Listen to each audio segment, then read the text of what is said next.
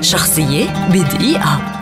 ميخائيل النعيمي هو مفكر لبناني ولد عام 1889 هو أحد قادة النهضة الفكرية والثقافية التي أحدثت اليقظة وقادت إلى التجديد.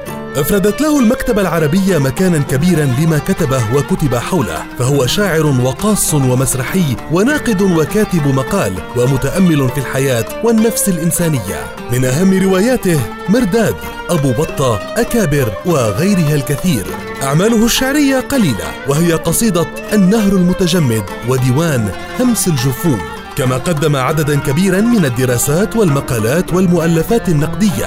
انضم إلى الرابطة القلمية التي أسسها أدباء عرب في المهجر وكان نائبا لجبران خليل جبران فيها.